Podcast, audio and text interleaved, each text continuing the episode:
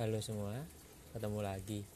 Nah, kali ini kita mau bahas tentang negara berkembang.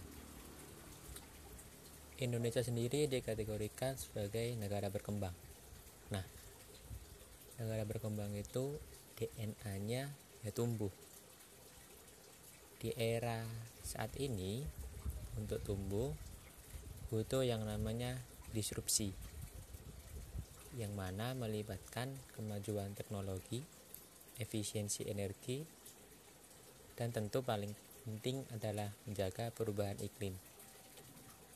Kemasan itu semua dalam bentuk inovasi. Tentunya untuk mewujudkannya membutuhkan keterlibatan lintas sektor, yaitu baik politik, sosial, budaya, agama, ekonomi, ipoleksos sebutan kam lah. Kita butuh untuk negara ini terus tumbuh dan terus berkembang. Nah percakapan tentang negara tumbuh dan disrupsi ini tidak terlepas dari 6 mega tren yang melanda dunia. Indonesia harus mulai mempersiapkan bahkan terlibat pertama tentang berlimpahnya energi surya. Nah Indonesia perlu memiliki sikap yang jelas. Bagaimana berlimpahnya energi surya ini bisa dimanfaatkan untuk kepentingan menyeluruh masyarakat Indonesia. Sehingga semakin mewujudkan terciptanya keadilan sosial bagi seluruh rakyat Indonesia.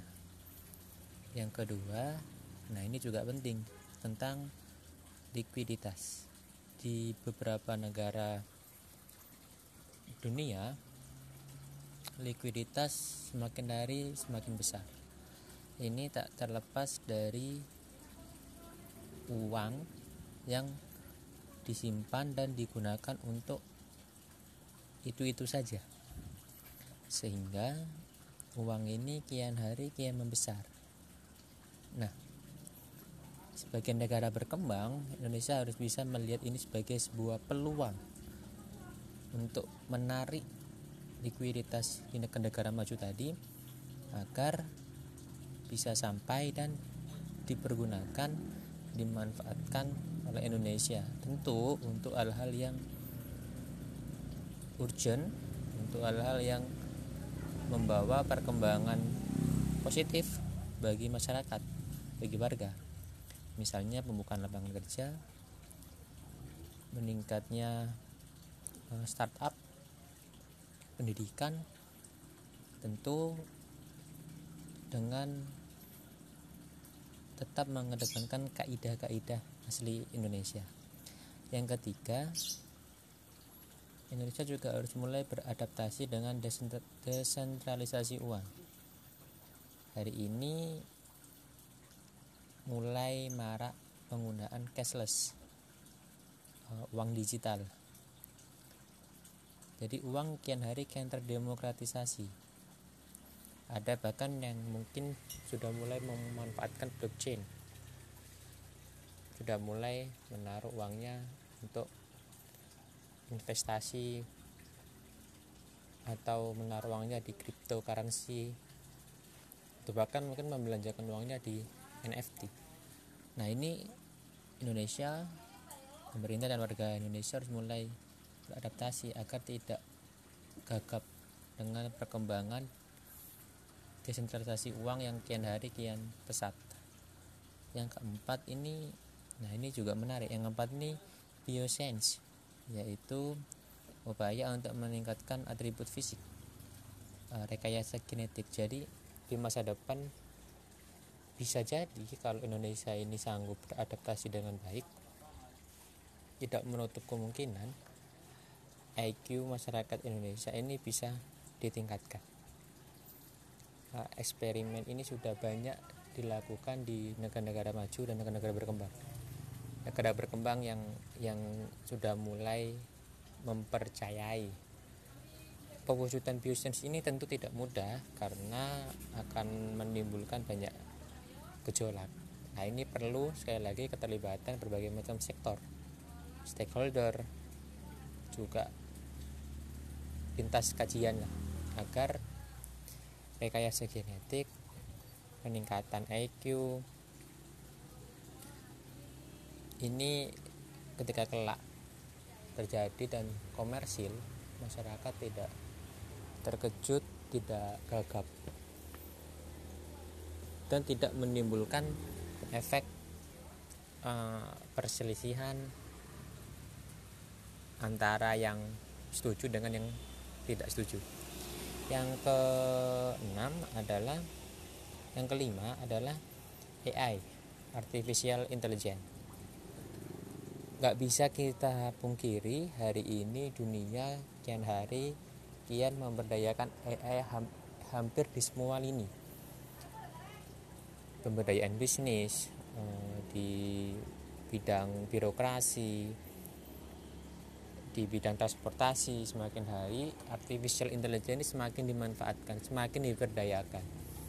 Indonesia tidak boleh memandang ini sebagai sesuatu yang kontraproduktif. Idealnya Indonesia melihat ini sebagai sebuah peluang sebagai sebuah kesempatan untuk terlibat lebih jauh dalam pemberdayaan artificial intelligence sehingga sebagai negara berkembang Indonesia sudah siap tidak kaget dan mungkin bisa bersaing di masa depan. Yang terakhir ini singularitas gabungan antara bio legal dan artifisial. Ini juga akan banyak menimbulkan pro kontra karena akan menciptakan manusia yang lebih dari manusia pada umumnya mulai soal fisik baik fisik maupun nanti e, kemampuan berpikirnya IQ-nya ini pasti akan banyak pertentangan.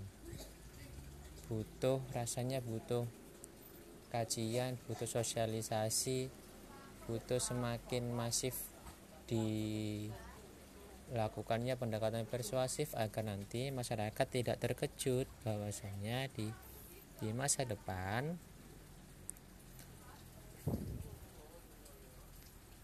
akan semakin diberdayakannya artifisial akan semakin diberdayakannya singularitas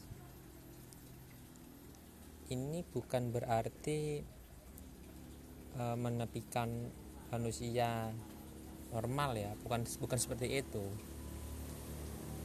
Ini ini lebih ke bagaimana menghasilkan manusia yang bisa berdaya saing dengan manusia dari negara-negara maju lainnya ini penting sekali. Tidak bisa diabaikan tidak bisa kita tepikan juga singularitas ini.